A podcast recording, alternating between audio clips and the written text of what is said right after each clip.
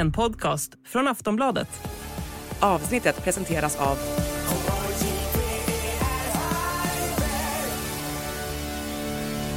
Stödlinjen.se, åldersgräns 18 år.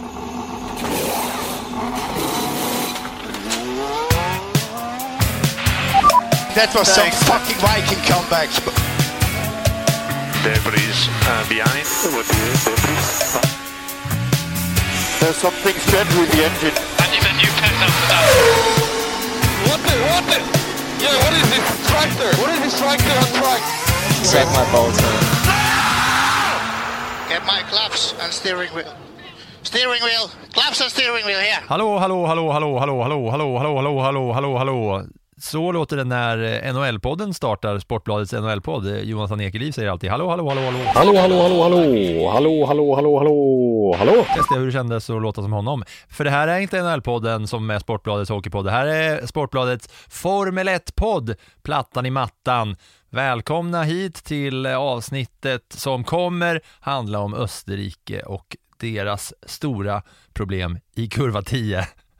Det är vad det här avsnittet kommer handla om. Anna Andersson, har du varit eh, glad på eh, Fia och hur de har skött den här helgen eller? Eh, Nej, det var ett enkelt svar. Jag har inte varit glad på kurva 10 heller. För att det är ju inte första gången som vi har haft problem eh, på den där banan. För den är eh, knepig kan man väl eh, enkelt säga. Mm. Du hade fullt sjå i liven med att hålla ordning på allting. Jag kan tänka mig att om jag bara sitter och kollar på racet och liksom kollar på grafiken och försöker hänga med i, jaha, vad kommer hända nu? Det är fem sekunder här, fem sekunder där, tio sekunder där. Den här rackaren har redan servat sin penalty. Det blir fem, fem sekunder som är borta.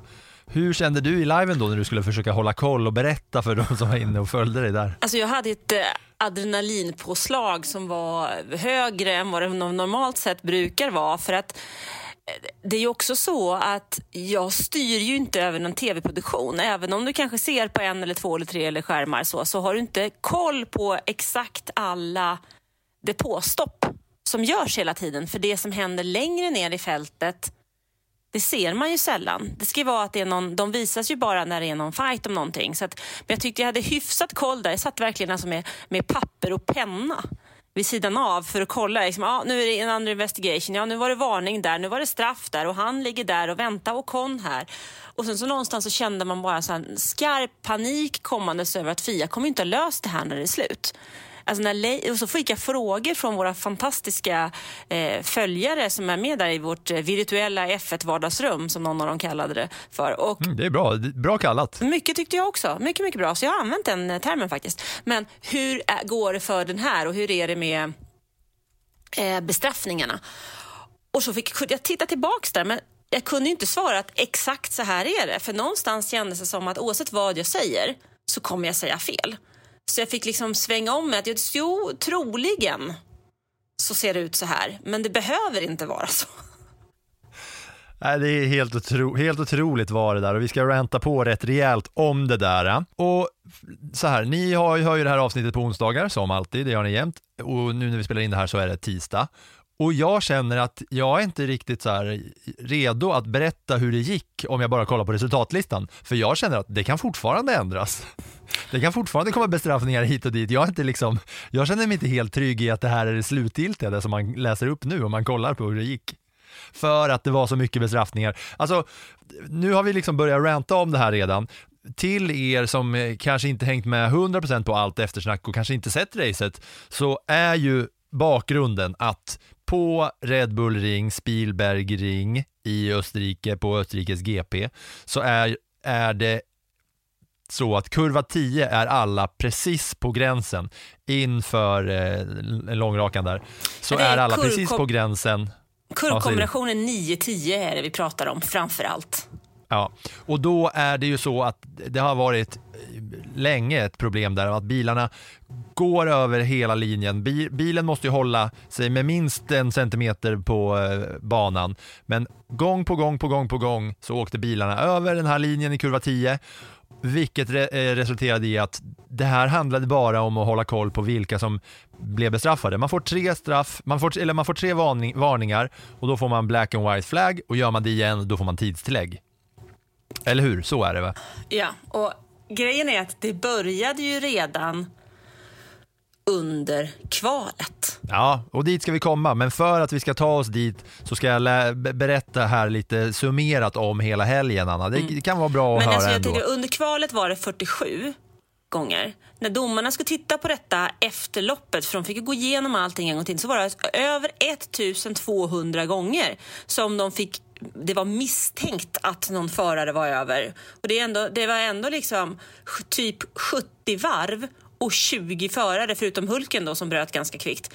Men det är så otroligt många. Det är så otroligt många gånger så det tar ju en evinnerlig tid. Och det man funderar över är ju om Alltså är det rätt att det ska vara så här? Och jag, man sitter ju och blir förbannad när man tittar på det framför tvn för att man känner sig nästan lite, nästan lite lurad när man själv inte har en, alltså när man måste vara någon slags, det är lättare att lösa ekvationer för 17 gubbar än att titta Ja. på Formel 1. Och är det rätt?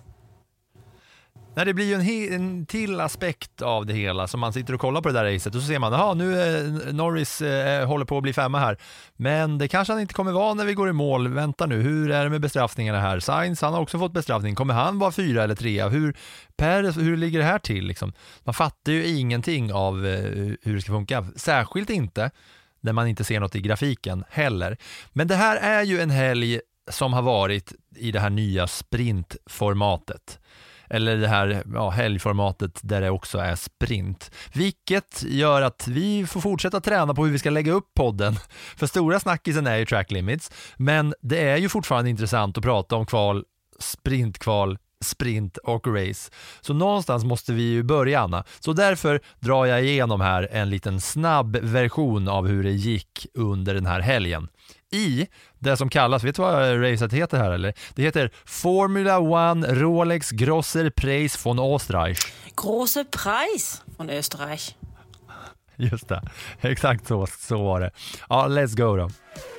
Snurrigt och bespottat helgformat senast i Azerbaijan då det var sprint. Så undertecknad kämpade hårt med att gå in i den här sprinthelgen open-minded. Så, kul att bänka sig för kval en fredagkväll tänkte jag. Ett kval där det mesta kom att handla om track limits och Sergio Perez. För än en gång tar han sig inte vidare till Q3 och den här gången handlar det om att han inte var långsam, för det handlade om att han var klantig. Tre gånger så blev han av med sin varvtid på grund av att han kör över linjen i samma kurva. Tre gånger alltså. Ferrari de nosade på pole position när Leclerc bara var 48 hundradelar bakom Verstappen. Vi kan också hälsa Lando Norris välkommen in i matchen efter fjärde snabbaste tid. Sen var det ett sprintkval där Hulkenberg tog en flygtur i depån och där Mercedes stod för ett megafiasko med Hamilton på P18 och Russell på P15. Näst på tur i sprinthelgformatet så var själva sprinten i regn. Där Perez och Verstappen spelade huvudroll efter en rejäl fight på första varvet och där det var nära att smälla mellan de båda stortjurarna. Kanske var det även nära att smälla efter sprinten när de båda pratade ut efter att ha blivit 1-2 med Verstappen som etta. Efter en stund avtog regnet och det blev däckbytar-mayhem där de som vågade gambla och gå över till slicks klättrade rejält i fältet. Det snackar vi mer om tillsammans. Till slut så var det race. Ja, det trodde ni ja. För jag gör här med en protest mot track limits och det patetiska facit som den här helgen kommer att handla om. Så jag låter det här racet utebli från helggenomgången. Nu är du välkommen in i matchen och såga sönder det här fasansfulla olösta problemet som finns på Red Bull Ring, Anna. Vi börjar där och ser vartåt det barkar.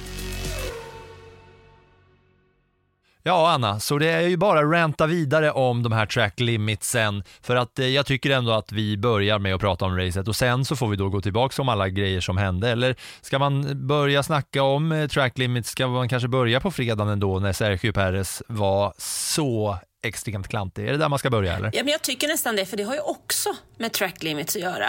Eh, Sergio Perez kom till Österrike och var sjuk faktiskt. Han ställde in hela sin eh, torsdag mediadag, så det var ju lite sådär snackis om om man skulle köra eller inte. Eh, men sen kom han tillbaks på fredagen och hävdade att han mådde bra. Men när vi såg i kvalet eh, så ser vi att han eh, inte alls mådde så bra, för han eh, klarar ju inte av att hålla sig på på gränsen. Och Formel 1 handlar ju om att hålla sig på gränsen och eh, Perez var ju över två gånger i Q2. Mm. Ja, han, alltså, han var ju, först var han över två gånger Och sen kommer han då ut till sitt, Eh, han tar sig vidare till Q2. Då är han över på den här tre- kurva 10, samma ställe två gånger. När han sätter en bra tid så eh, kommer tiden upp att så här, ja, han är näst snabbast efter Verstappen. Sen går det någon minut, sen så ser man hur han flyttas ner, längst ner, no time, eller om det, han hade någon liksom så här extremt långsam tid för att det var ett utvarv eller något sånt.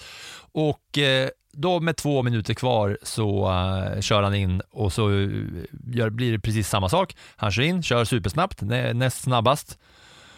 Och sen så får man reda på en tredje gång, tre gånger i rad på samma ställe så blir han av med sin tid vilket gör att han åker ut i Q2 igen. För att eh, han har nu, det är femte gången av nio som han har missat att gå till Q3.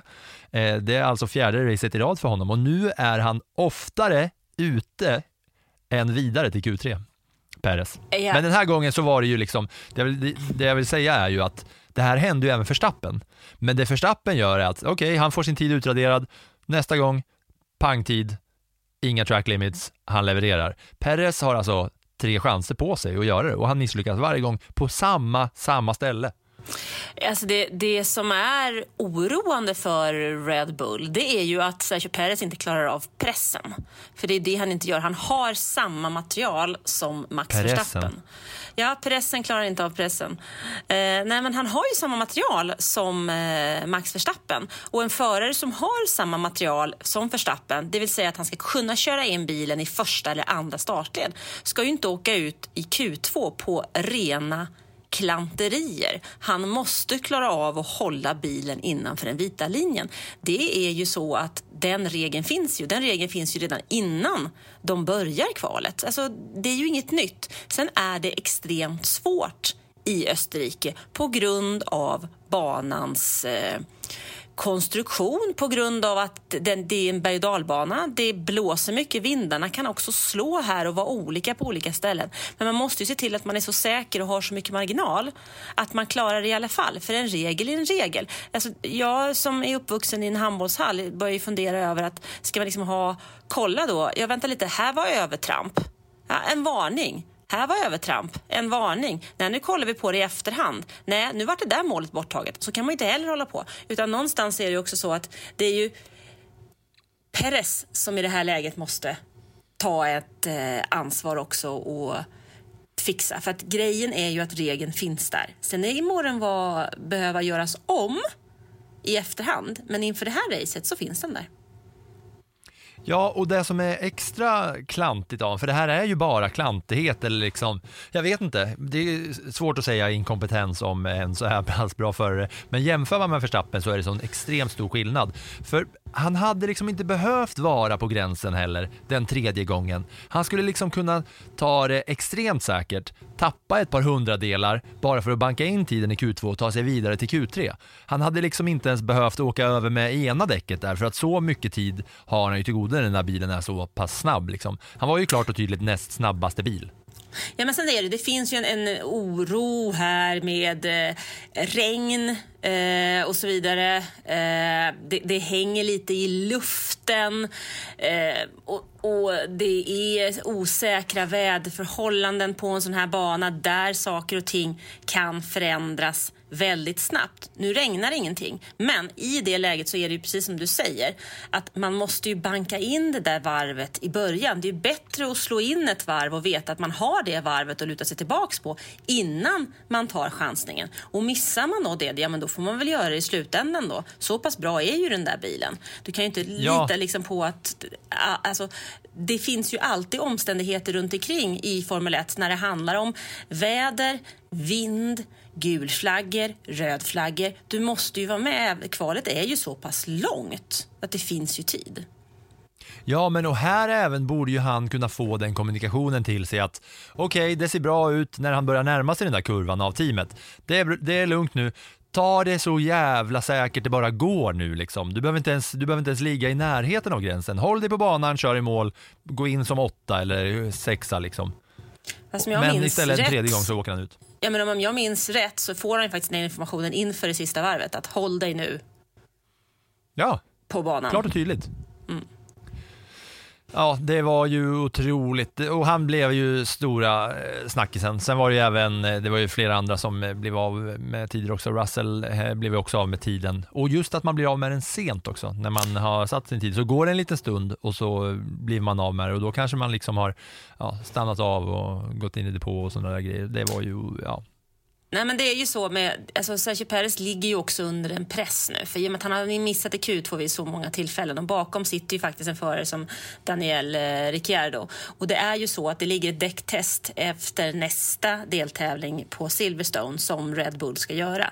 Och Helmut Marko har ju faktiskt varit ganska tydlig med att eh, för Daniel Ricciardo är det ett test man vill se vad han gör i bilen under de dagarna och se var han ligger. För, för den information som jag har fått är ju att han när han återkom till Red Bull låg hästlängder efter vad han själv hade varit när han lämnade Red Bull och även efter de två stamförarna, då, Verstappen och eh, Perez. Så då var han liksom inget alternativ.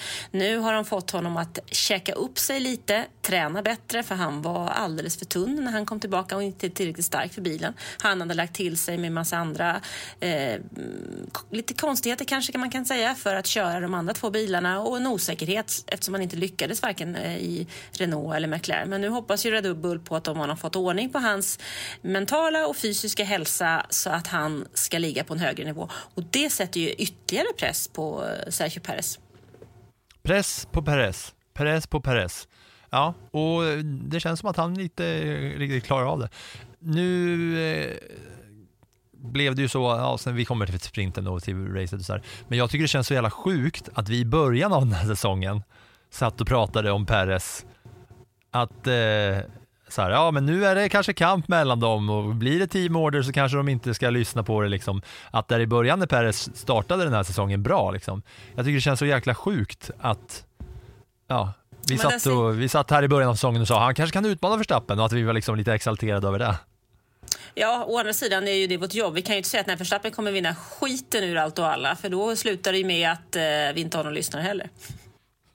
Ja, men nu är det ju det han gör också, Verstappen. Han ja, men nu fick han göra det först. Han fick ju visa först ja. att det var det han kunde. Nej, men skämt åsido så är det ju så att eh, Sergio Perez gick ju in med den inställningen. Men det har vi ju sett Valtteri Bottas göra under många år i Mercedes också och få tokstryk av Lewis Hamilton. Så det är ju jätte, jättetufft att vara nummer två i ett vinnande team. Det är en ytterligare press som sätts på den föraren och den pressen klarar ju inte alla av. Och alla som har följt F1 ett tag såg ju vad det kostade Nico Rosberg det året som han som nummer två utmanade Lewis Hamilton och faktiskt vann titeln. Han var ju så fysiskt och psykiskt slutkörd att två meter efter att han kört över mållinjen så bestämde han sig för att lägga av för han pallade inte en gång till. Mm. Mer i kvalet då. Det, det, känns som att man måste, vad man än snackar om här, så känns det som att man måste ta sig vidare för det finns så mycket olika race och, och grejer att snacka om. Men eh, Lando Norris visade att eh, det var fart i den där McLaren-bilen och dit kommer vi till också när vi kommer till racet gissar jag på för att den var uppdaterad och fin fin.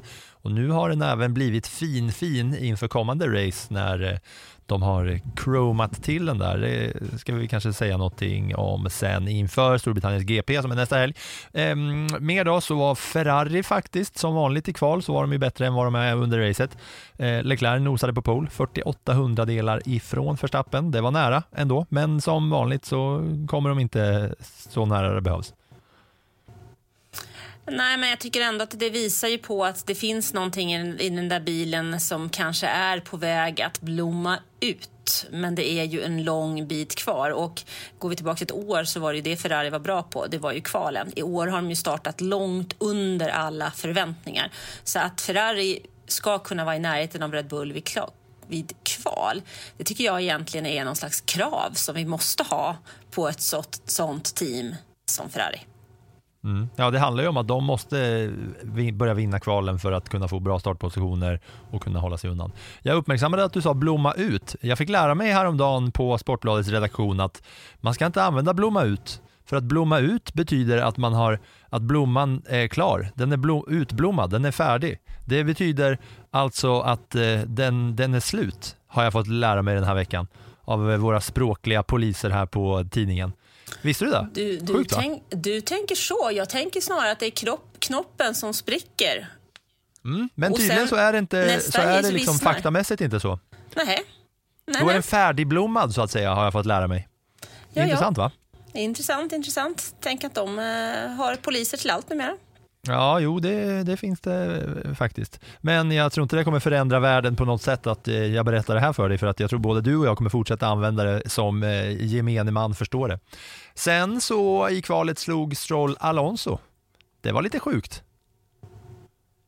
Ja, det var det faktiskt. Ehm, jag funderar... det var lite fight mellan dem. Ja, det var det. Och jag funderar faktiskt på bakgrunden till det. Ehm, om det är så att när andra team har blivit bättre så har inte Aston Martin blivit så pass mycket bättre.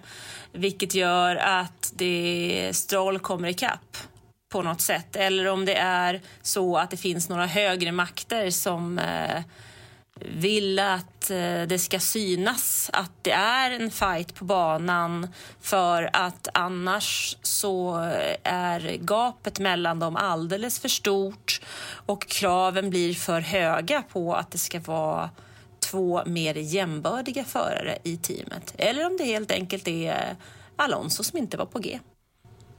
Ja, för resten av helgen så det var ju här Stroll fick visa upp sig i kvalet för att annars så var ju Alonso som vi är vana att se honom bättre än Stroll mycket väntat. Men det var ändå lite imponerande att se Stroll eh, blixtra till och, och göra något vettigt. Ska vi lämna kvalet och ta oss till nästa kval då, eller sprint-shootouten eller sprintkvalet eller vad man nu vill kalla det. Eh, inte, ens, eh, inte, ens, inte ens Christian Horner vet hur man ska säga, för han, när han eh, sa till eh, Verstappen på radion att ja, bra jobbat i det här sprint-shootouten, eh, bra jobbat i det här sprintkvalet eller shootouten, eller whatever vi nu ska call it. Ja, De nej, men jag, jag kan väl tycka att sprint shootout är ett jättejobbigt eh, ord, i alla fall på svenska, att skriva och säga. Så jag använder nog oftare sprintkval och det är nog för att jag tänker inte att folk gemene man säger sprint shootout heller, vilket gör att googlingen på just det ordet är ganska låg. Så då får vi nog kalla, på, kalla det för sprintkval istället. Sen tycker jag nog personligen att det är den mest ointressanta delen av en sprinthelg så är det nog faktiskt eh, sprintkvalet. För det känns som det är överstökat så snabbt. Det tar ju bara någon timme efter det så är det race igen. Så det är knappt ens värt att skriva en text på det faktiskt. Nej, nej men jag håller med också och eh, det är ju bara, det är så få som får poäng sen i, i sprinten också. Men eh, ja, det känns som att förarna inte bryr sig heller så himla mycket om det. Sen, men eh, ja, jag vet inte, vi har väl några punkter som man ändå vill ta igenom som hände där. Det var ju att, alltså sprinten ger ju poäng, så sprinten betyder ju någonting ändå. Men för att få starta någonstans i sprinten så behöver man göra ett bra sprintkval och det är ju under ett kortare format som vi säger. Stora snacksen där var ju att Hamilton alltså kom på P18 och Russell P15 och det var ju samma sak här. Track limits som sumpade det för Hamilton. Han såg ut och trodde att han var, var safe, men sen fick han reda på att nej, det blir inget och då åkte han ut direkt. Mm. Och eh, Russell hade problem med hydrauliken. Ja, Eh, så ja, det var inte så mycket mer att säga om det där. De var väl inte riktigt vansinniga helt och hållet på det för att det just var i sprintkvalet och då var de, eh, ja, det är kvalet som är viktigare där. Norris fortsatte visa i alla fall att eh, han kan köra och att bilen hade lite leverans. Perez ryckte upp sig här i sprintkvalet i alla fall för här blev det 1-2 eh, mellan honom och Verstappen. Ju. Sen så, så var det ju kul att se Nico Hulkenberg flyga med alla däck i luften i depån. Det var rätt sjukt alltså. I depån så ska han åka ut då och så sitter då en mekaniker på vid, vid hans vänster framdäck. Så då kör de ju, det är ju alltid, jag tänker alltid på att det är så extremt tajt när de eh, burnar ifrån när de har bytt, bytt däck där inne. Så var det så himla tajt eller att det alltid är så himla tajt, både fram till nästa, liksom, nästa teams lilla infart där, men även där mekanikerna sitter. Och Hulken, han svänger ju vänster för tidigt, vilket gör att en mekaniker sitter och håller i ett gammalt däck där. Så han kör på det här gamla däcket då med sitt vänsterbak och det går ju ganska snabbt. Så bilen studsar ju upp och flyger. I depån så är liksom bilen uppe med alla fyra däck i luften. Och det kunde ju slutat illa. Men är man superhjälte så är man. Så han hade väl bara lov, Hulken hade väl bara lånat eh, manteln av Stålmannen. Ja. Han hade fan kunnat landat på någon annan rackare där alltså. Ja, sen, men sen så studsade han ju ner på alla fyra och så körde de vidare. Och sen var det ju även här lite sena besked. Leclerc körde ju sitt sprint, sin sprint eh, shootout och in hela alltihopa innan han fick reda på att det blev en grid penalty för att han hade impeding, impedat på Piastri under och impeding är ju också ett engelskt ord som är svårt att säga. Han har kört för långsamt när någon annan kommer, eh, gör sitt snabba varv. Ja, man har man väl hindrat Piastri från att göra sin snabba varv helt enkelt. Ja, och det åkte Leclerc på. Det var sprintkvalet och sen så, så var ju det här, nu även om vi, Azerbajdzjan så var vi ju rätt kritiska mot hela upplägget och även nu efter det här så känns det också så här, fan de har inte riktigt hittat, det här formatet känns inte som att det är kanon alltså för att det är, det ska ju lyfta. Anledningen till att det här sprintformatet finns är ju för att man ska tycka att det blir roligare och att det ska vara en liten speciell weekend.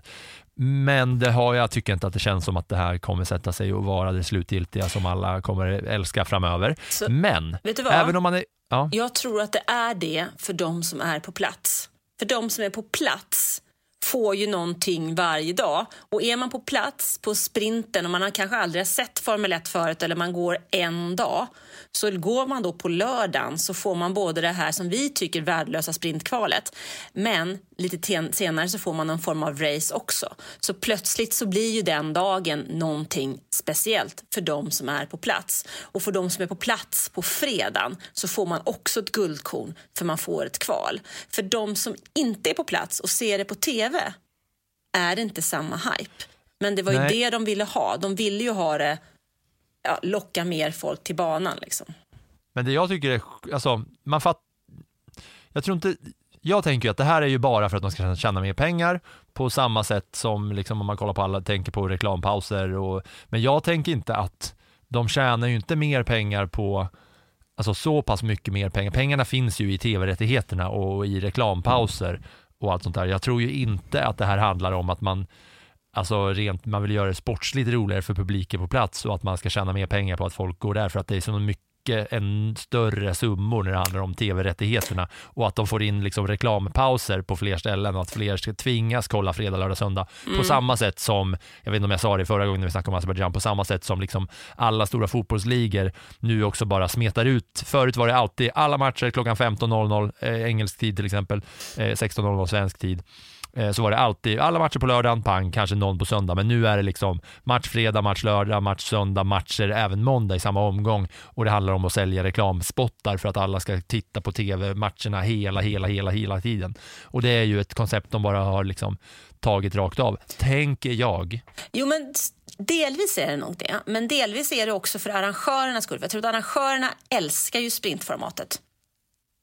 Så det beror nog lite på vad det är som är skrivet i den där kontrakten. För för arrangörerna så har de, de får ju mycket mer folk på banan. Banan är annars ganska tom på en fredag.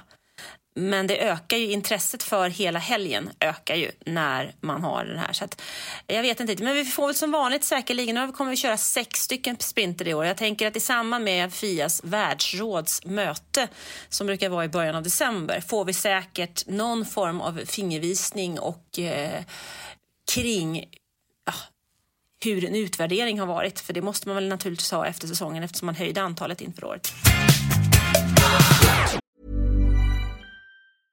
Hej, jag Ryan Reynolds. At Mint Mobile, we like to do the opposite of what Big Wireless does. They charge you a lot, we charge you a little. So naturally, when they announced they'd be raising their prices due to inflation, we decided to deflate our prices due to not hating you.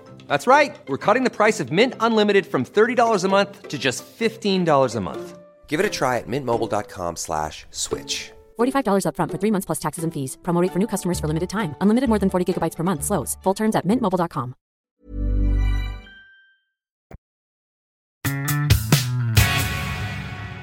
Ja, och med, inte och, men med det sagt alltså, så även om man inte gillar det här med sprintrace så var det ett riktigt kul sprintrace att titta på. Ja, men sprinter i sig tycker jag är det väl egentligen inget fel på. Nu ställde ju också vädret till det lite grann. Eh, regn. Ja, vädret bjöd ju upp till dans. Ja, det kan man ju verkligen säga. Eller snarare skridskoåkning kändes det som. Eh, var lite halt när det regnar i bergen. Ehm, ja, men det var roligt. Det började ju eh, knallblött liksom, så att alla skulle börja på, eh, på våta däck, eller ja, på intermediates som eh, allihopa körde och då handlar det om att eh, den som först vågar har chansen att se om det funkar att köra på slicks eller inte. Så det höll ju på som det höll på innan det, banan torkade upp, regnet började avta, man hade liksom bränt in det där gummit i asfalten till slut och sen när folk började våga testa på det där så märkte man oj, nu går det snabbare och då hände det ju massor. Då var det ju bara täten då med, med Perez Verstappen och alla de längst upp som låg kvar på sina intermediates medan alla andra där bak eh, bytte huller om buller och så såg man då de som låg kvar på intermediates, de blev ju uppkäkade direkt av de som eh, kom på slicks. Så, så mm, med, ur det perspektivet var det ju ett jätteroligt sprintrace för att det var så mycket grejer som hände hela tiden. Största snackisen however var ju ändå fighten mellan Perez och Verstappen som startade etta, tvåa, där Perez tog starten och så var de riktigt tuffa mot varandra de där två. Mm, enligt eh, Sergio Perez så ser ju han inte Max Verstappen överhuvudtaget. Och en av de bästa sekvenserna är ju faktiskt efter racet när man ser tydligt hur de två står och diskuterar. Och jag kan ju tänka mig att Verstappen i sin största tydlighet där sätter sin kollega på plats. För Verstappen är ganska tuff även över radion och säger att det här hade kunnat gå riktigt illa, det hade kunnat bli en rejäl smäll. Och även efter racet i den intervju som han gör direkt efter målgång så är han ju också ganska tuff mot Sergio Perez utan att nämna hans namn egentligen utan han talar mer om att det hade kunnat bli en, en eh, kollision och, och det hade kunnat gå riktigt illa. Jag menar, någonstans så tänker jag bara tillbaks till hur det såg ut 2016 när, eh, i Barcelona när Verstappen kör sitt första race för Red Bull och Mercedes båda förare gör en sån där grej i början av det GP-loppet. Det var ingen sprinthelg vilket öppnar upp för Verstappen och här kändes det lite grann som att eh, Ja, hade det kunnat vara några millimeter på rätt sida så hade det kunnat eh, smälla till där och det hade ju kanske för den som tittar varit lite roligt. Ja, jag satt och hoppades.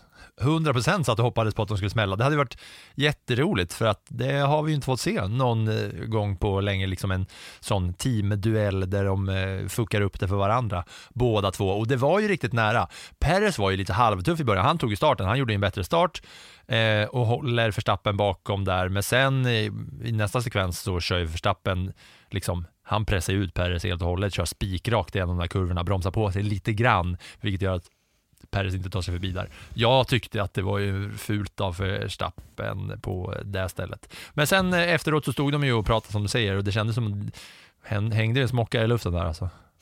Det gjorde det nog och det var inte Perez för han var som en liten sån här eh, ledsen hund efteråt. Men han visste ju också vad han måste göra för han känner ju att hans kontrakt börjar att hänga på en ganska skör tråd. Så han var ju tvungen liksom att följa upp det där fina kvalet med att ge, ge Verstappen en eh, match.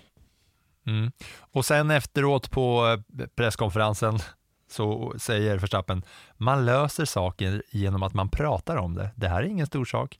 Man behöver inte skriva någon artikel om det. Eller så skriver man bara för klicken.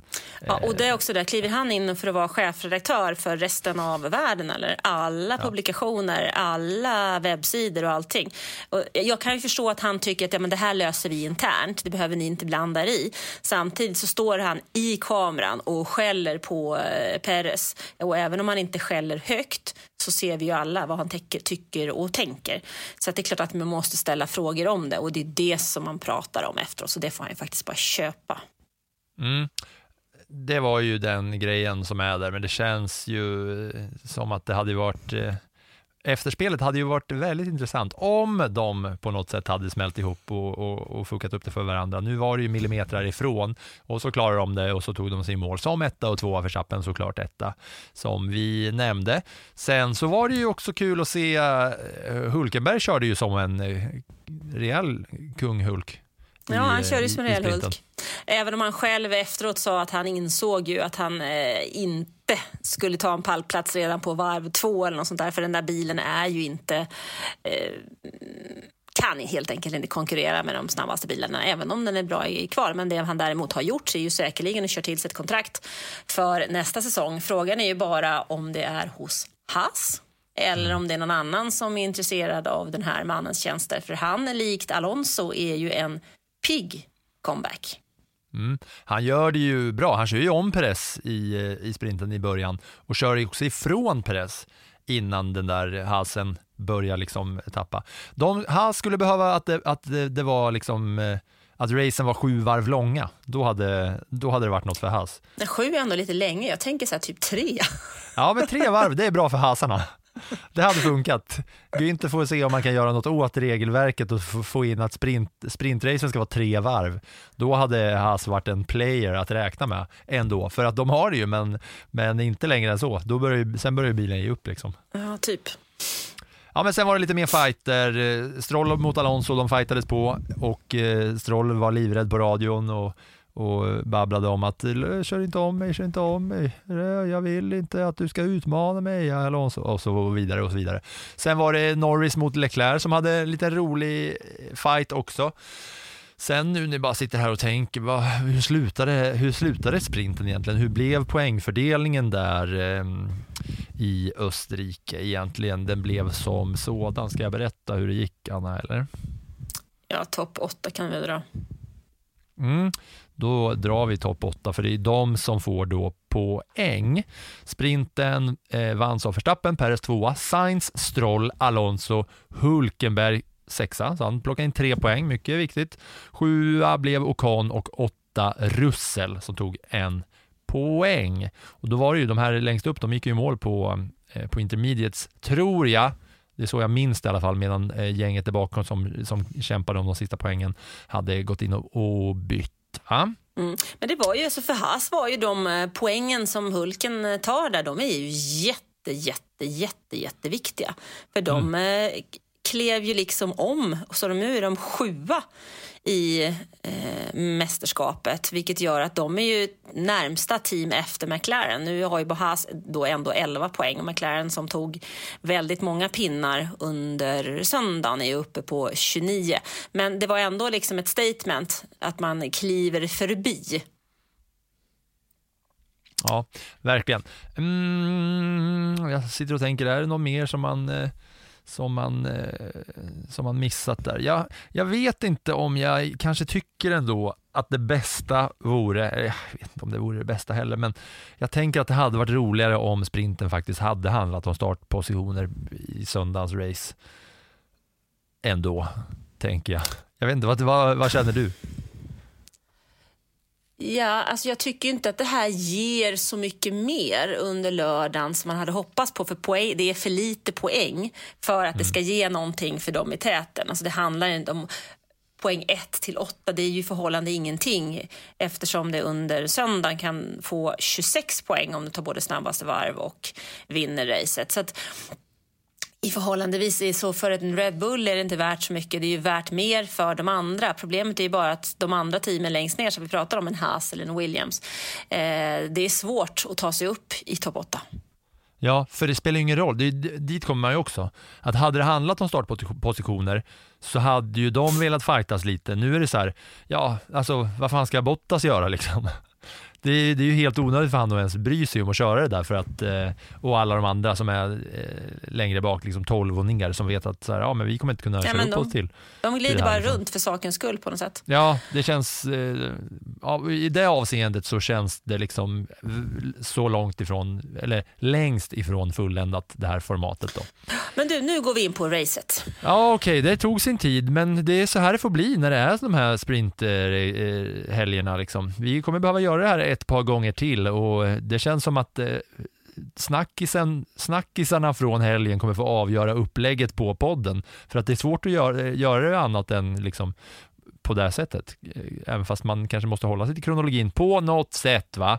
Om det är någon som har en superidé på hur vi ska lägga upp det här så får ni väl göra det. Jag har suttit här och försökt att komma på vad bästa sättet är att göra. Det är lika svårt att sätta formatet i sprint som det är att sätta formatet i podd. Måste man nästan våga säga. va. Men nu, nu till det stora racet då, där alla poängen ska fördelas. Och du var inne på det när vi bara mumlade lite i början. Track. Tusentals. Ja, ja men track limits. Jag tycker att på något sätt så här, det racet har ju en etta, en tvåa, en trea och många incidenter som händer under racet. Men eftersom det blir en sån omstuvning av resultatet i efterhand på grund av track limit så känner jag bara att det där racet har en rubrik. Och det är track limits. För det var en fars, det var ett skämt. Och de här kurva 9 och 10 är ett problem. Alltså det är ju någonstans 47 tider stryks under kvalet. Man kollar 1200 under racet. Man upplever att det är 83 gånger som det liksom man hittar folk, folk som har kört fel och kört över av det där. Så att jag bara känner att hur ska vi kunna hålla koll? Varken om man sitter framför tvn, kommenterar det, eller om man sitter på en radio och kommenterar jag som ska skriva eller en helt vanlig fan. Det är ju helt omöjligt att hålla koll för vi ser inte alla varv överhuvudtaget. Vi ser ingenting. Och hur ska vi då liksom kunna ha någon form av kontroll på detta? Det går inte. Nej, och det går ju inte heller för eh, produktionen. För att man, är, man har ju, ni vet hur det ser ut på TV, längst till vänster så är liksom eh, listan på hur det ser ut, var alla positioner är och hur långt eh, tiden är. Men då har ju liksom 90% av alla förare har ju olika typer av bestraffningar hängande över sig. Och hade man kunnat lägga till det i grafiken på något sätt, att man då kunde se längst till vänster hur det ligger till. Alltså, ja, okej, okay, Sainz har fem sekunder, Perez har fem sekunder, han har fem sekunder här och den har fem sekunder där. Då hade man liksom kunnat göra ekvationen. Men det ser man inte. Man får ju bara upp en liten ruta hela tiden. Janne och, och eh, var det Widheim som satt i den här helgen eh, på Viaplay. De hade ju också svårt att liksom hålla koll på det där. Charlie Häggstam eh, satt för även och körde sprint shootouten. Tyckte jag var väldigt, väldigt bra. Charlie Häggstam nämner jag för att han har varit gäst i Plattan i mattan också och han har varit eh, chefsmekaniker i eh, Formel 1 och han eh, gjorde vi ett avsnitt med i vintras så där kan ni gå tillbaka och lyssna på om ni tyckte att eh, Charlie Häggstam gjorde det bra i Viaplays eh, kommentatorstol. Det tyckte jag var kul i alla fall att höra. Men de kunde inte heller hålla ordning på, alltså nu under eh, söndagen. Det gick ju inte heller att hålla reda på det när man ens kommenterar. Man får ju bara så här, ah, kasta iväg alla papper och bara luta sig tillbaka och Nej, men problemet är att det, det är inte det att du ska hålla reda på det bara att, att du får de här fem sekunderna. Du måste hålla reda på vem som tar det under racet och om de tar det korrekt under racet mm. eller om det också sker någonting annat i depån vilket gör att det inte fungerar. Så att det är ju så många parametrar Sunoda åkte ju, på, åkte ju på bestraffning och bestraffning på att han inte servade sin bestraffning korrekt också. Ja, och sen när det dessutom kommer bestraffningar efter racet och vi pratar timmar efter racet här så funkar det ju inte heller för då känns det som att det var helt onödigt att sitta och titta på det där racet överhuvudtaget för det blir ändå inte det som jag upplevde när jag såg det. Och, nej, och problematiken är ju den här kurva 10 där man kan då åka över med bilen och förarna håller sig på limiten så ska man ha några centimeter på. Kan man sätta grus direkt där utanför eller undrar man? Men då får man reda på att nej, men MotoGP kör också på den här banan och de kan inte ha grus där för att då påverkar det så pass mycket så man kan inte bygga om banan på det sättet. För det påverkar motorcyklarna när de ska racea på det här stället. Alltså det, det finns ju sensorer på plats och det är de sensorerna som, som meddelar när det är någon som har varit utanför. Och, och Fia hade till och med tagit in extra personal för att kunna titta igenom detta och sköta det på ett snyggt sätt gick inte så där jättebra. Ehm, alternativen, alltså det finns ju som jag ser det då två alternativ. Antingen är det sådana här korv, korv curbs, alltså sausage curbs. Eh, det problemet är ju att de slår ju sönder bilen. Eh, ja, och ryggarna på förarna. Och ryggarna, ja. Det, det, är inte helt bra. Alternativet är ju då grus som du säger. Det problemet hade man i Lesmo 2 på Monza och där la man in grus. Men där körs ju inga motorcykellopp. Det är just det här med MotoGP. De är ju inte helt nöjda med att att eh, man ska ha grus i den kurvkombinationen. Det är dock det som Fia förespråkar och vill. Och nu har Österrike skrivit ett nytt kontrakt fram till 2030 så vi får ju helt enkelt se var det här slutar. Man måste i alla fall hitta en lösning på det. Ja, grus eller gräs, det får man då inte ha för eh, MotoGP-gänget. Kan man inte bara bygga ut den där kurvan då så att det inte är på gränsen liksom? Då, men, ja, då tänker man, ja men då kommer de bara pusha bilen så kommer problemet kvarstå liksom. Men måste den vara så där tight då? Tänker man. Kan de inte bara vidga ut den så att det inte, så att det inte behöver bli de här marginalerna? Ja, men sen är ju frågan, när du har den marginalen, är det för att föraren ligger på marginalen eller kan han ta större marginaler eller kan han ta mindre marginaler än vad han tar? Men han vill ändå, för att han vet att alla andra gör det, så han vill ligga precis på gränsen. Och på något sätt så tror jag att inom Formel 1 så handlar det så mycket om att ligga på gränsen så att det är svårt om du inte har en, en, en mur, ett stopp på något sätt så är det helt jätte, jätte, jätte, jättesvårt att få i ordning på den här problematiken. Eh, Jag vet att vi pratade om det med Stefan Johansson eh, Lillövis vid något tillfälle. Han sa att du måste ha murar. Så länge det inte finns murar i stort sett så Ja. kommer man aldrig att eh, lösa problemet. Nej, smälla upp en mur ja. Det kan man göra, men det går ju inte heller. Nej, det För blir det är för ju ett jävla farligt. bygge. Ja. Ja, det är sjukt det där. Eh, Gianni Joe i Alfa Romeo var lite rolig efteråt på sina sociala medier så la han, nu, la han ut “Delighted with P2, counting only legit laps”. Jag är nöjd med att bli, komma tvåa i det här racet om man bara räknar eh, oss som inte liksom kör över track limits. För så var det. Gianni Joe kom tvåa om man då hade bara räknat varv, eh, om man tagit bort alla som hade kört över där. Liksom. Men då får man Jag, åkte inte ut, jag åkte inte ut en enda gång sa han. Nej, men då får man väl fråga Joe, vad är det som gör att han inte gör det då och att de andra gör det? Är det för att han inte är en tillräckligt stor fighter eller det, finns det någon anle- annan anledning till att han klarar av det? Och vem vann det racet då? Mm, det var väl, ja, undrar vem som vann då? Det måste ju varit någon där framför. Förstappen var han över eller? Han hade det väl lite lugnt eh, där framme. Ja, någon annan framför Jianyu Joe som blev tolva till slut, eh, kinesen. Men han, eh, jag håller med honom. Jag tycker han eh, borde blivit tvåa. Det tycker jag är helt, helt rätt. Han, han skulle få det. Eh, vad känner du med grafiken då på eh, sändningen? Kan man göra något där eller? För Jag man får ju bara upp den här rutan i, i topp som står så här bara, ah, okej, incident noted, nu har han fått fem sekunder hit. Och sen börjar de här åka in och ta sina bestraffningar i depån också. När de åkte in där och skulle byta däck så stannar de i fem sekunder. Och då har de ju tagit sina fem sekunder, men vissa gjorde ju inte det. Och då i grafiken ser man ju bara hur de ligger till rent faktiskt mot varandra utan de här bestraffningarna in mind. Alltså jag vet inte om det är möjligt att göra det för risken för fel är ju också överhängande. Va?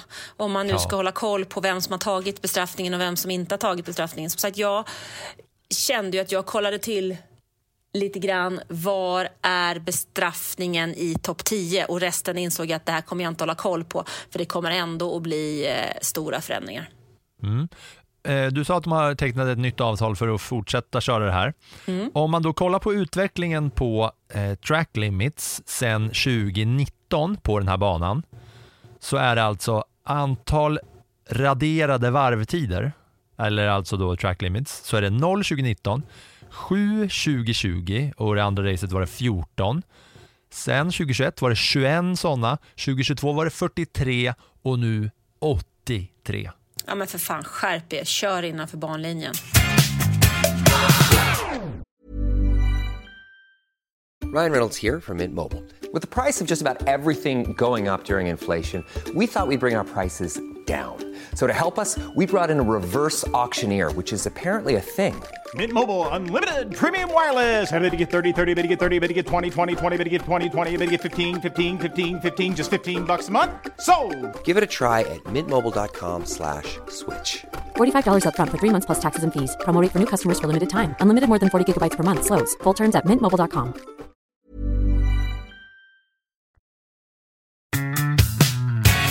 Man vill också lyssna på hur det lät när Hamilton grinade på radion och pappa Toto kom och röt ifrån och sa åt honom Sluta grina nu för helvete Lewis, kör den här jävla bilen bara i mål. Du är så jävla, fan vad du klagar, kör nu bara Lewis, flera gånger. Det var verkligen pappa sa till sin, grå, sin liksom klagande son. Ja, men det, ja, nu la ju du till ett par, eh, sminkade till det där lite grann måste jag väl ändå säga. Summa Men- summarum var det så det lät. Stewards haven't given those penalties yet? Yeah, they're still dishing out warnings and, and penalties. Louis, the car is bad, we know. Please drive it.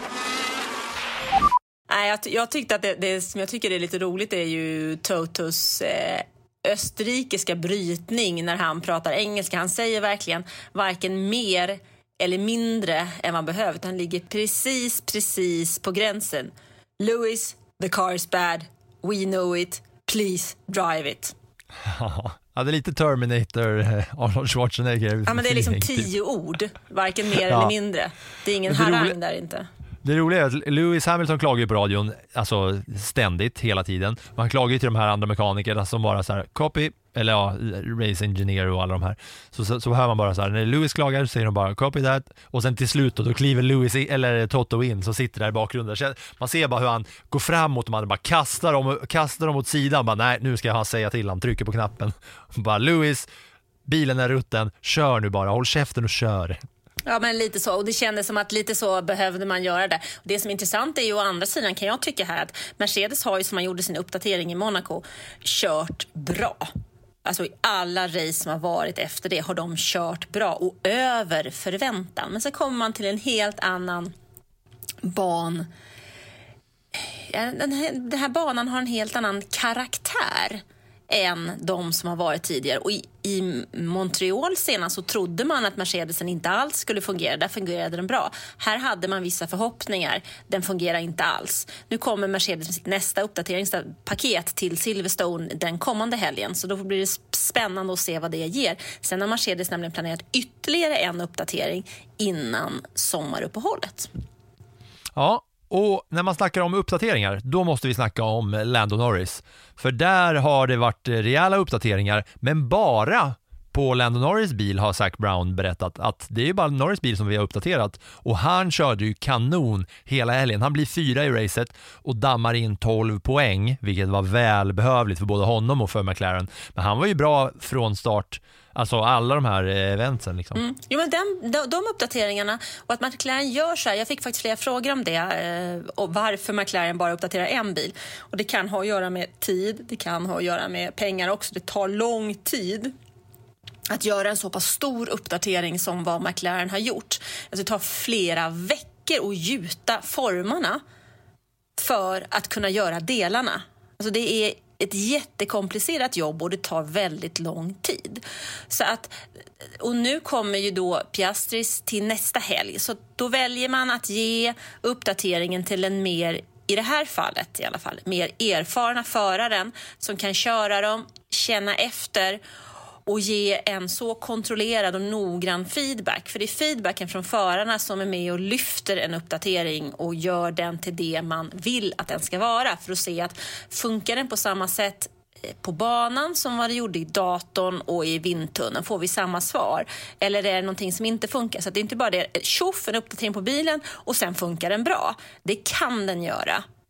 Men den behöver inte göra det. Sen kommer man till en annan bana som en annan barkar- bankaraktär och så vidare. Va? Så att man väljer här att ge den till den föraren som har mest erfarenhet och förhoppningsvis kan ge bäst feedback för en ytterligare utveckling till kommande helger som båda förarna då har nytta av.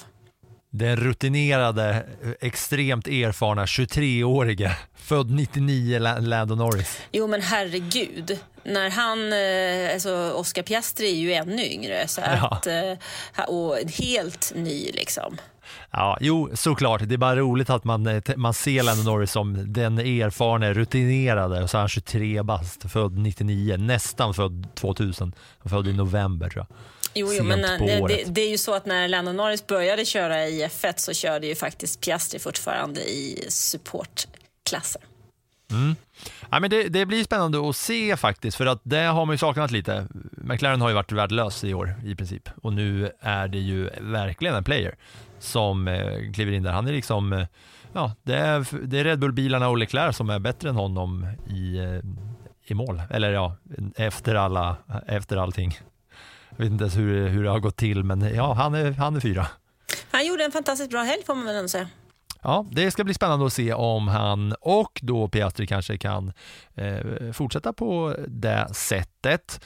Sen så tycker jag, ja, vad ska man säga om eh, Verstappen? Verstappen kör förbi Leclerc på Alltså han är så överlägsen. När han kör förbi Sainz på varv 25, Verstappen, då åker han förbi och vinkar till Sainz.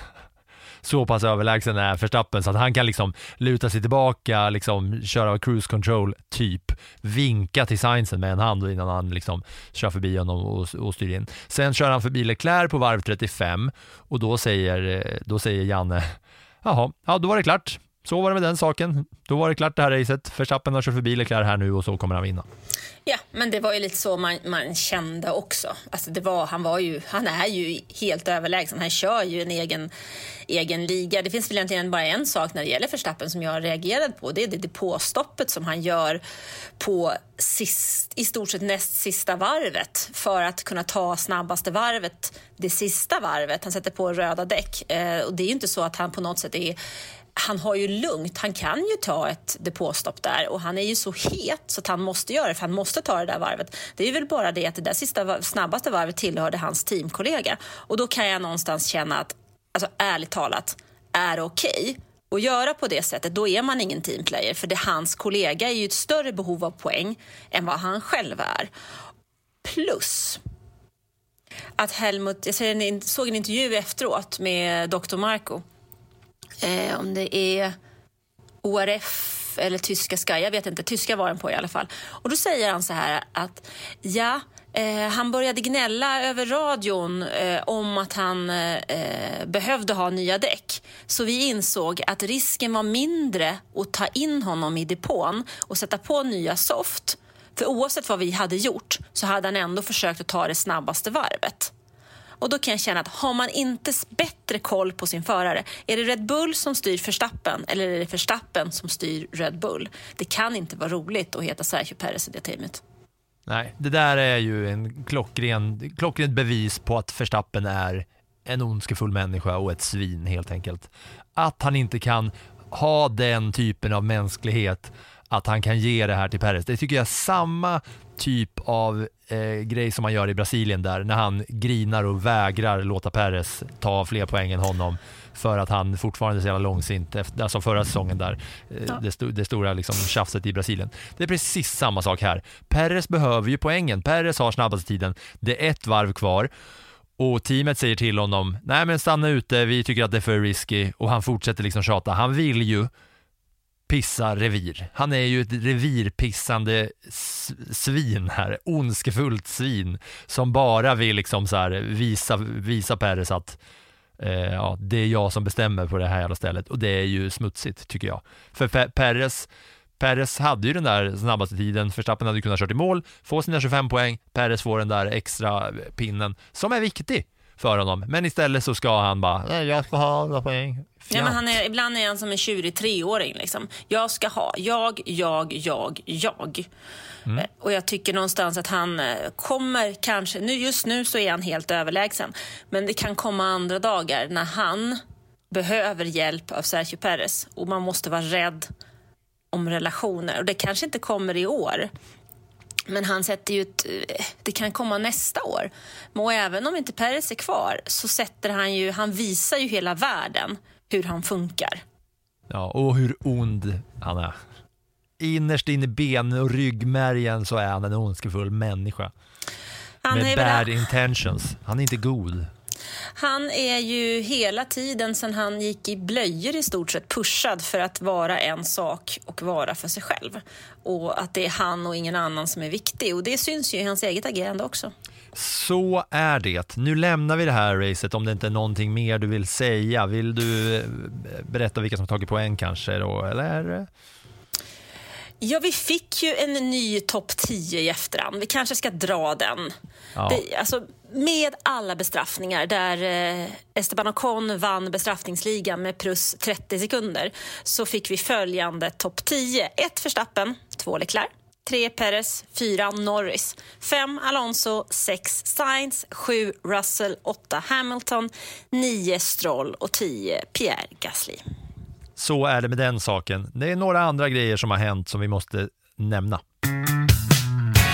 Ja, du tänker på att det är Hollywoodstjärnor som köper in sig i alpin. De köper väl en konsortie där som köper typ 24 procent. Mm, det måste vi nämna. Det är Ryan Reynolds och company, samma gäng som har köpt eh, Rexham i eh, engelska fotbollssystemet, där de gör succé och eh, bygger det här. Och de ska alltså in i alpin och härja. Och det kan ju vara ett eh, liksom, eh, livligt litet tillskott eh, för det där gänget, va? Så kan det väl vara? Det är spännande. Då har man både Zinedine Zidane och eh, Hollywoodstjärnor i sitt stall. Just det. Det är kändistätt i, hos fransoserna. Så ja, då har vi nämnt det i alla fall. Och sen har ju enligt Sky, Sky Sports så har Helmut Marko sagt till Nick de Vries att han har fyra race på sig att eh, göra ett impact här och visa varför han ska förtjäna den där styrningen. Annars så kan han ersättas efter sommaruppehållet. Mm, Frans Tost sa under helgens eh, presskonferens att han vill se en, eh, ett uppsving av De Vries, framförallt på de banor där han har kört tidigare. Och då räknar han med de här kommande banorna nu under sommaren och Monza. Mm. Faktiskt. Det, ehm, och ja, Monza ligger, efter som, eh, ligger ju efter sommaruppehållet. Så att någonstans där så finns det en risk eh, att eh, vi inte har någon mer defris. Och då är ju frågan, ja, vem kan komma istället då? Jag tror däremot inte på Daniel Ricciardo för Alfa Tauri, utan där är det snarare Liam Lawson eller den här japanen som kör för Red Bulls juniorakademi, som jag just nu inte kommer ihåg namnet på, som jag tror kan vara aktuell. Det har varit jävligt kul med två eh, japaner i, eh, i ett och samma team. Det hade tyckt jag, jag tyckt varit roligt. Mm. Nu tar du plus och på den här helgen?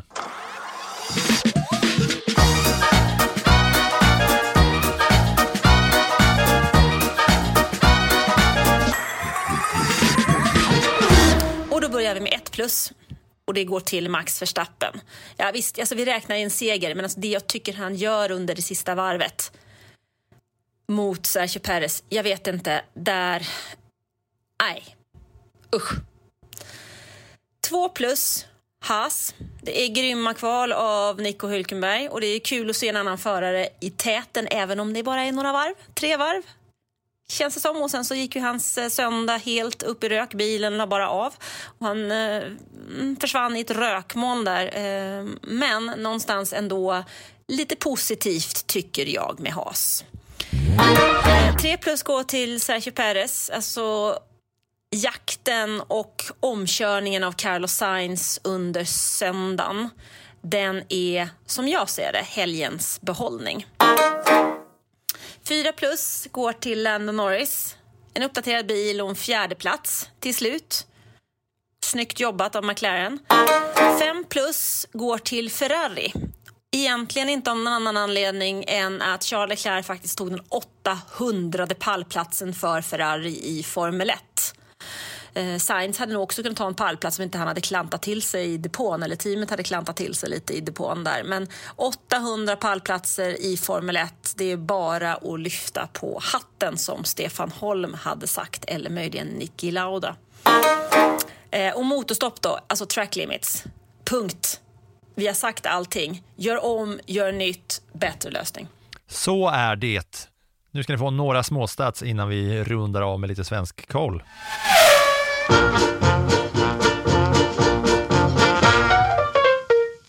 Jag bränner av de här så fort jag kan för att det här var det ganska många roliga grejer som jag hittat. Sainz och Alonso är nu de enda som har gått till Q3 i alla race under den här säsongen och då snackar jag alltså om det vanliga kvalet. Så de är konsistent. Alla andra har eh, liksom eh, på något sätt eh, slarvat till det någonstans här och, här och där. Verstappen är nu uppe i topp på flest podiums på Spielberg. Han går förbi Valtteri Bottas och är nu ensam uppe i toppen där. Och eh, just angående det här Verstappens körning på den här banan, så 2021 så sa Max Verstappen, om jag vinner fem gånger här så ska jag eh, fråga Dietrich och gänget att byta namn till Verstappen Ring. Och nu 2023 efter att ha vunnit fem gånger och fått frågan om det här namnbytet, då har svararen ja, jag måste snacka med bossarna, så vi får väl se. Jag ska ringa dem imorgon, en efter en. Så vi får se om det heter Verstappen Ring framöver. Det är Verstappens krav och om, han, om inte han får som han vill, då vet vi vad som händer va? Och sen är det lite fler nya Red Bull-rekord som är roliga. De har nu vunnit 20 av de senaste 21 Grand Prixen och det här var deras tionde i rad och nu är de bara en bakom all time rekordet av McLaren 1988 och det känns som att de kommer ju kötta sönder det rekordet också utan problem va? Och även för, eh, för Max Verstappen och Red Bull så är det så här att han skulle själv, om man plockade bort Perres, så skulle Verstappen leda, om Red Bull bara hade en bil, så skulle de fortfarande leda konstruktörsmästerskapet med 51 poäng.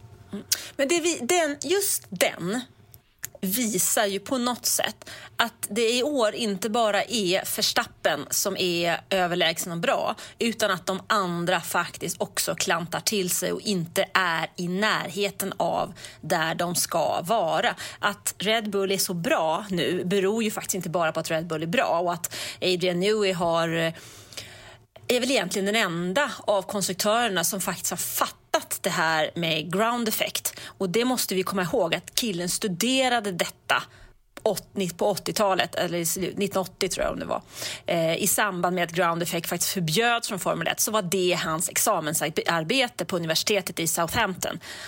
Så han hade ju björnkoll. Han hade väl då kanske ingen aning om att det skulle hjälpa honom 40 år senare. Men det har ju gjort att han har haft ett sånt otroligt försprång på de andra och det försprånget lever de ju fortfarande på, kommer antagligen att leva på ett stort till. Men de andra har ju verkligen gjort bort sig.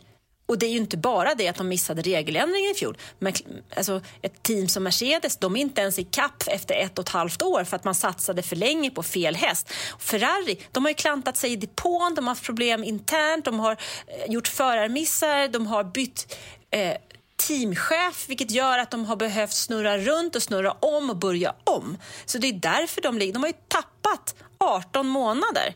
Och McLaren är samma sak. Så att vi ska inte bara säga att Red Bull är helt fantastiska och jätteöverlägsna. De andra har ju inte gjort vad de ska. Skit Jag tycker det hade varit, ja det är bra. Jag håller med. Jag tycker det hade varit roligt om, det hade varit otroligt vilket statement det hade varit om efter sommaren så säger Red Bull, nej, Perez får kicken, vi tar inte in någon ny. Red Bull kör bara med en bil och så vinner de ändå konstruktörsmästerskapet och eh, förarmästerskapet. Det hade varit något. Nu ska ni få något som, eh, som är så ovanligt som ett rekord som Verstappen missar. Än så länge i alla fall. För han var på väg att eh, ta eh, rekordet, alltså den längsta streaken av ledda varv i rad. Men här tog det stopp på varv 249 varv i rad som Verstappen har lett. Och det betyder att det här eh, påbörjades i Miami. Då har han alltså lett hela tiden. Från Miami i år till Österrike så har han lett 249 varv i rad. Och eh, han hade 264 upp till Senna, 305 till Alberto Ascari som på 50-talet ledde 305 varv i rad. Verstappen var på väg dit, han kommer väl såklart eh, ja, ta det där inom sinom tid om det fortsätter i den här stilen. Men när han gick in i depån eh, efter 25 varv på, i Österrike, då eh, stoppades den här streaken. Intressant Va?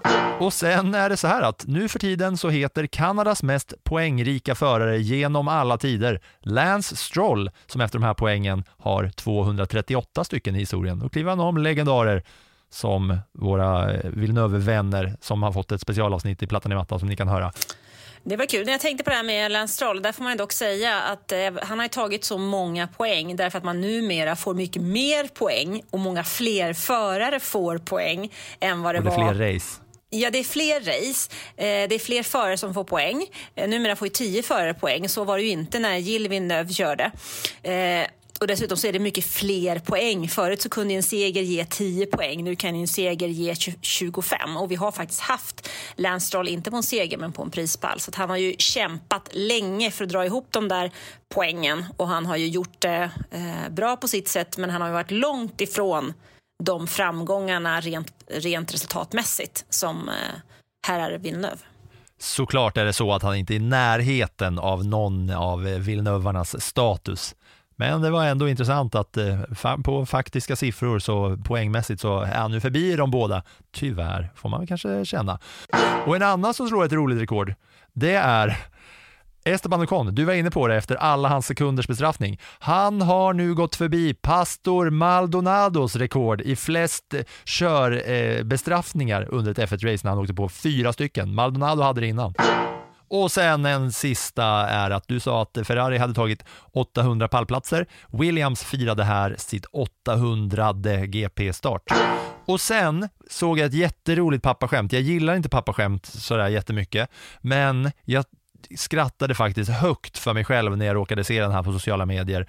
Det här är någon som har gått och väntat på. För vi är på banan som heter Spielberg och då var det någon som la upp en bild på Piastri när han rullar ut på Spielberg banan och då står det Spielberg receives an Oscar. Va? Är det inte lite roligt? Nej. Hon, su- hon suckar bara här Anna. Nu ta oss i mål här genom att berätta hur det har gått för våra svenskar och sen kollar vi lite snabbt fram mot Silverstone.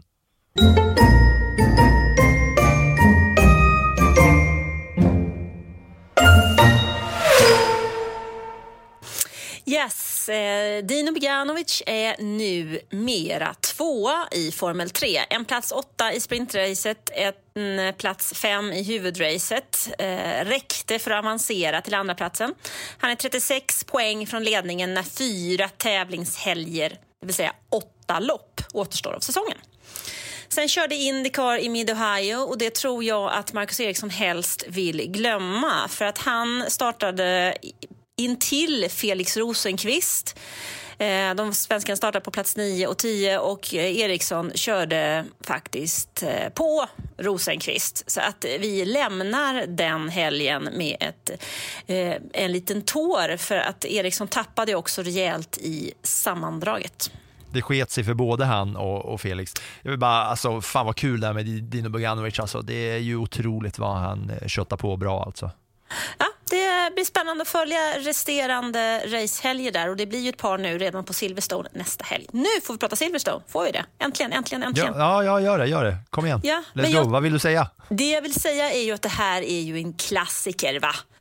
Home of British Motor Racing. Det är där F1 föddes. Första racet kördes där våren 1950 och det vanns av en Alfa Romeo med Giuseppe Farina. Och det här är ju ett hemmarace för nästan alla teamen. För att de ligger i en snäv radie kring banan så har de flesta teamen eh, sina fabriker. Så det kallas lite grann för The F1 Valley.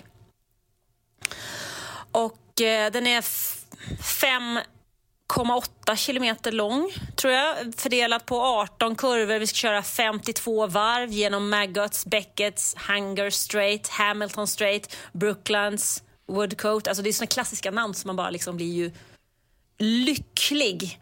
Och eh, vad kan vi ta med oss då? Ja, I fjol så vann Carlos Sainz från pole position. Det är hans fans första seger. Vi hade den där hemska olyckan med Zhang Yuzhou. Ehm, och det är Lewis Hamilton som har flest segrar. Åtta stycken. Han vann senast 2021. Eh, Red Bull har däremot inte vunnit på den här banan sedan 2012. Då var det Mark Webber. Spännande att hålla koll på, måste man säga. Just att de inte har vunnit på så pass länge. Och sen får vi lägga till att eh, vi har varit inne på att det är tester. Det är ju nya däck från eh, Pirelli som eh, inför Silverstone ska testas här och det är ett team som inte nämns vid namn som hävdar att det här, det här nya däcket kommer göra att front Eh, fronterna, framdelarna av bilarna kommer bli starkare och det kommer hjälpa team som har en svag framdel som till exempel Ferrari. Och eh, Vassör har sagt att han hoppas att det här blir en game changer för Ferrari. Det är lite spännande att det är en sån eh, grej ändå är man verkligen. Alltså, man får ju se, det är ju det att F1 står ju aldrig stilla. Vi hade en, en diskussion eh, på F1-bloggen i veckan, noterar jag, där folk säger att det blir tråkigt och F1 är så ojämnt och så vidare. Och så är det någon annan läsare då som hoppar in och tyckte att ja, men F1 är ju så mycket mer än bara racen. Det är ju tävlingshelgerna, det är kvalen, det är det som händer i veckan mellan racen, det är regeländringarna, det är förändringarna, det är vädret och det är det som händer mellan säsongerna. Och det är lite så det är. Vi kan sitta här, vi satt i massa år och tyckte tyckte att eh, Ferrari var alldeles för bra i början av 2000-talet. Sen kom Red Bull vid ett annat tillfälle senare mellan 09 och eh, nej, 13. Och sen kom förlåt, 10 och 13 och sen var det Mercedes mellan 14 och 20 och nu är det Red Bull. Så det har ju gått i såna här perioder. Vi har haft Ferrari vid ett tillfälle, vi har haft Renault i mitten av det, vi har haft eh, Red Bull. Eh, Vi har haft Mercedes och nu är det Red Bull igen. Så det händer ju saker. Man behöver inte alltid bara stirra på en resultatlista. Gud vad jag pratar. Ja, men det är bra. Det är därför vi är här, Anna. Du vet att ah, det är därför man gör en podd, för att du och jag ska prata i den här podden. Annars hade det liksom, om det inte hade varit så, så hade det inte varit mycket till podd som har nu rullat i, vad har vi rullat i, 69 veckor i sträck och vi kommer fortsätta göra det. Inför Silverstone så kommer man ju nu börja få se de här eh, fasansfulla bilderna på Gianni Joe när han snurrar runt. Det kommer ju vi få se en hel del eh, tillbakablickar på från förra året, för den kraschen var ju otrolig och nu ska han ut där igen. Det blir spännande att höra intervjuer med honom, se hur han känner inför att köra på samma eh, bana igen då. Tack som vanligt till er alla för att ni lyssnar på oss vecka ut och vecka in. Det är otroligt att ni gör det faktiskt. Det är kul att prata för er, får man säga. Ja, ett stort tack och stort tack till alla som hänger, på, hänger här, hänger på F1-bloggen och hänger på F1-liven. Det gör ju jobbet så mycket roligare. Hundratals kommentarer la jag märke till i bloggen. Det är otroligt vilket engagemang. Vi har sagt det förut, men det tåls att säga igen. Fan vad otroliga ni är som är där inne och babblar vecka ut och vecka in. Nu säger vi tack och blickar fram mot Silverstone och hörs nästa vecka. Tack och hej då. That was some fucking Viking comebacks. Debris uh, behind. There's something strange with the engine. And a new pet after that. What the, what the? Yeah, what is this tractor? What is this tractor on track? Suck my balls, man. Get my claps and steering wheel. Steering wheel. Claps and steering wheel here.